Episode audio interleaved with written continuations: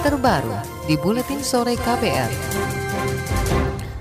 Saudara jumlah pengungsi korban banjir di kawasan Jakarta dan sekitarnya terus meningkat. Badan Nasional Penanggulangan Bencana BNPB mencatat di wilayah Jakarta saja jumlah pengungsi menembus angka 60 ribu orang. Para pengungsi tersebar di 30-an titik pengungsian. Untuk wilayah Bekasi, Jawa Barat jumlahnya diprediksi sama atau bahkan lebih besar dari Jakarta. Juru bicara BNPB Agus Wibowo mengatakan hingga kini banjir telah menewaskan 16 orang. Kalau pengungsian totalnya dari Jakarta tadi udah naik jadi 62 ribu. 62 seperti dilaporkan oleh Kepala BBD tadi dilaporkan 62 ribu. Sementara yang di Bekasi belum ada tadi yang Bekasi belum ada tadi. Tapi saya kira di sana sama besarnya karena kan di, di, di, di Bekasi jauh lebih besar. Juru bicara Badan Nasional Penanggulangan Bencana BNPB Agus Wibowo menambahkan, tim di lapangan masih fokus melakukan evakuasi korban, namun mereka terkendala hujan yang masih lebat dan arus air yang deras. Selain itu, petugas juga kekurangan alat penanggulangan bencana seperti perahu karet. Kementerian Sosial mulai mengirimkan bantuan untuk warga terdampak banjir di Jakarta dan sekitarnya. Bantuan disalurkan melalui posko-posko pengungsian yang didirikan oleh pemerintah daerah. Menteri Sosial Juliari Batubara mengatakan total nilai bantuan yang didistribusikan mencapai 4 miliar lebih. Khusus di Jakarta, penyalurannya diprioritaskan di sejumlah titik terparah yang berada di Jakarta Timur, di antaranya Cipinang, Kampung Melayu, Universitas Borobudur, dan Bidara Cina. Bahan makanan, peralatan dapur, dana juga, perlengkapan keluarga, family kit. Totalnya saat ini sekitar 4,2 ya, 4,2 M itu Jakarta, Banten dan Jawa Barat ya Bekasi. Hanya Jakarta 1,9 eh, M, tapi nanti kan bisa bertambah lagi. Ya, dari Kementerian Sosial. Bukan kita kumpulkan, memang dari kita. Mensos Juliari Batubara menuturkan para pengungsi sangat membutuhkan air bersih, makanan, pakaian hingga alas tidur. Hal ini disampaikan Juliari usai meninjau sejumlah posko pengungsian di Jakarta. Dan untuk mengetahui kondisi terkini korban banjir di Jakarta, kita hubungi reporter KBR Febrian Kevin Chandra langsung dari pos pengungsian Universitas Borobudur di kawasan Kalimalang, Jakarta Timur. Kevin, laporan Anda. Ya saudara, saat ini saya sedang berada di posko pengungsian korban banjir di Universitas Borobudur yang berada di Kecamatan Pasar, Jakarta Timur. Posko ini menampung lebih dari 900 warga korban banjir dari dua RW di Cipinang Melayu. Di antara pengungsi ada dua bayi yang berusia tiga minggu dan anak-anak.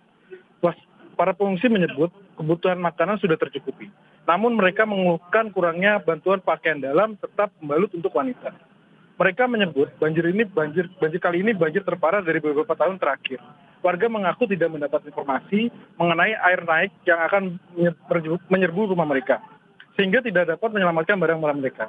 Adapun posko adapun posko di panti sosial Bima Cahya Batinia Jakarta Timur yang sempat saya kunjungi warga mengaku mendapat bantuan makanan yang tercukupi. Namun mereka mengeluhkan bantuan kurangnya air bersih untuk mereka. Sementara itu di kawasan Kampung Pulo, yang masih banyak warga yang bertahan di dalam rumah mereka. Meski banjir merendam setinggi 100, 100 meter, 100, 100 cm. Warga memilih bertahan di rumah lantai dua mereka. Demikian Febrian Kevin melaporkan untuk KBR. Terima kasih Febrian Kevin atas laporan Anda dan kita tunggu informasi berikutnya. Selanjutnya, saudara pemadaman listrik masih terjadi di sebagian wilayah terdampak banjir di Jabodetabek hingga Banten. Wakil Divisi Keselamatan dan Kesehatan Lingkungan PLN, Ajrun Karim, mengatakan pemadaman akan di-stop setelah ada kepastian wilayah terdampak banjir sudah aman. Uh, kita minta pengertian dari masyarakat karena beberapa GI kita matikan karena demi keselamatan kita bersama dan kita akan upayakan untuk kita hidupkan selama kondisi di lapangan memang dirasa aman dengan kita cek bareng-bareng. Wakil Divisi Keselamatan dan Kesehatan Lingkungan PLN Ajrun Kari menambahkan PLN telah bekerja sama dengan TNI untuk membuat tanggul pengaman guna mencegah gardu listrik terendam banjir. Pengamanan diprioritaskan untuk gardu listrik di Kembangan, Jakarta Barat karena menyuplai area vital di ibu kota. Sebelumnya, saudara PLN menyebut ada lebih dari 3.000 dari total 24.000 gardu listrik di Jabodetabek yang dimatikan akibat banjir. Badan Pengkajian dan Penerapan Teknologi BPPT bakal melakukan modifikasi cuaca untuk mengurangi intensitas curah hujan di kawasan Jakarta, Bogor, dan sekitarnya. Berdasarkan perakiraan BMKG, hujan ekstrim masih akan mengguyur Jakarta dan sekitarnya hingga 15 Januari mendatang. Kepala Balai Besar Teknologi Modifikasi Cuaca BPPT, Tri Handoko Seto mengatakan, modifikasi cuaca di wilayah Jabodetabek akan dilakukan paling lambat besok. Kita operasikan guna menjatuhkan awan awan-awan yang bergerak menuju Jabodetabek. Ya, awan-awan itu arahnya dari Lampung, Selat Sunda dan seterusnya. Jadi tugas kita adalah menjatuhkan awan itu sehingga curah hujan di wilayah Jabodetabek akan berkurang secara signifikan. Target kita adalah mengurangi 30 sampai 35 persen uh, hujan yang kira-kira akan jatuh di Jabodetabek.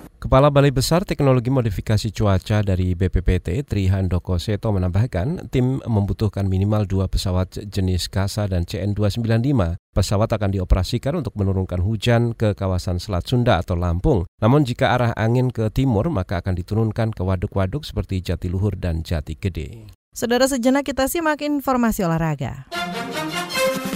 KPR Sport. KPR Sport. Arsenal kembali ke 10 besar klasemen Liga Inggris usai memetik kemenangan perdana di bawah Mikel Arteta. Dini hari tadi, The Gunners sukses menundukkan seterunya Manchester United 2-0 di kandang sendiri. Kedua gol tercipta di babak pertama yang dicetak Nicolas Pepe dan Socrates. Tambahan poin penuh ini membuat Arsenal mengumpulkan 27 poin dan kembali ke peringkat 10. Sedangkan MU masih menduduki urutan kelima dan membuang peluang mendekati Chelsea yang ditahan imbang Brighton. KPR Sport. Petenis Amerika Serikat Venus William mundur dari turnamen Brisbane Internasional lantaran cedera saat latihan. Padahal Venus mendapat fasilitas wildcard seperti halnya Maria Sarapova. Pihak panitia bakal mengumumkan siapa yang berhak menggantikan posisi Venus. Petenis berusia 39 tahun ini berharap bakal bisa mengikuti kejuaraan terdekat Adelaide Internasional di Australia.